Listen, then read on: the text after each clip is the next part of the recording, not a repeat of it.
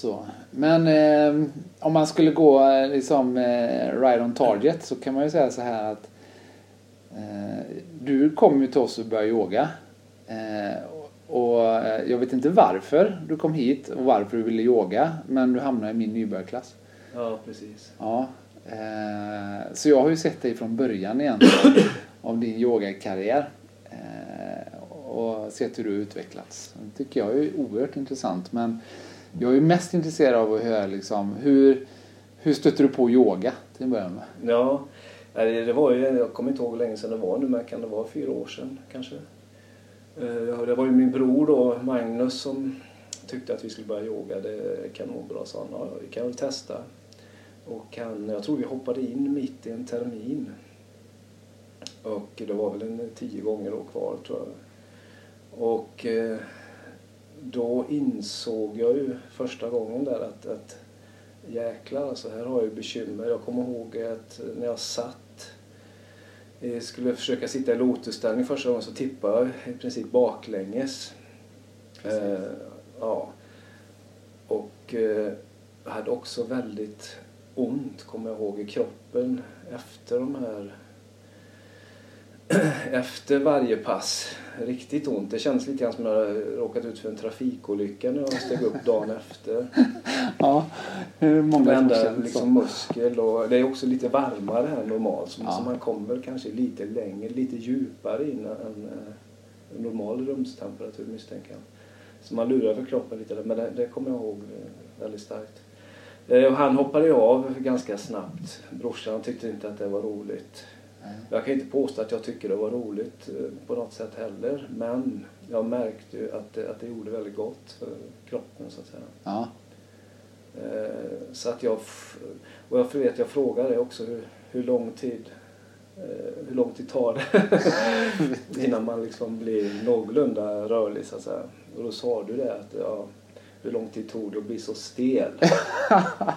så då Det förstod jag lite grann eh, liksom vidden. Så då sa jag till mig, "Nej, jag får hålla på med det här tror jag. Det, jag får ge det fem år, jag gör en utvärdering om fem år helt enkelt. ja, Men jag har ju ganska snabbt märkt att, att, eh, att det har gjort väldigt gott ja. i, i många avseenden.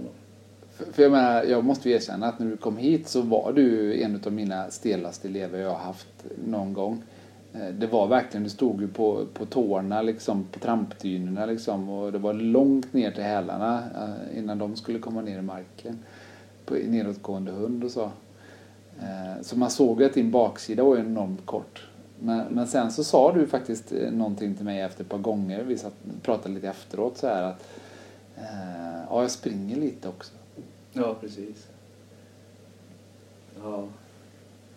Och där hade jag i den vevan där när jag började, då hade jag också rätt med... Ja, jag sprang ju mycket när jag var ung så att säga. Och sen höll jag upp, jag spelade mycket squash.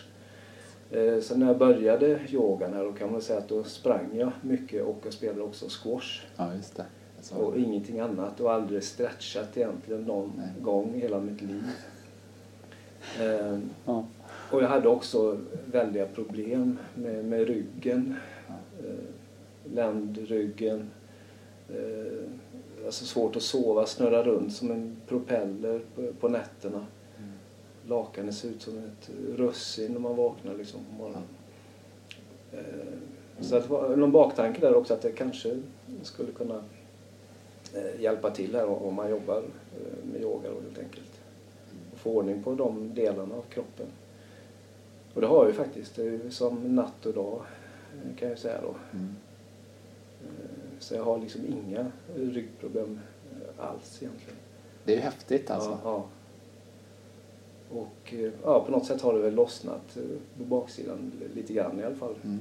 Även om det finns mer kvar att göra. Det finns alltid förbättringsområden. Men jag alltså. har liksom kommit ifrån det här onda så att säga. Och även när jag springer så känner jag ingenting längre. Jag kan springa hur länge som helst när det gäller den delen. alla fall. Mm. Men, vad, vad jobbar du med på dagarna? Ja, jag är ju bildlärare faktiskt i, i Ulricehamn på högstadiet. Där. Förstelärare bild till och med. Ja. Och, eh, och egentligen är jag ju konstnär.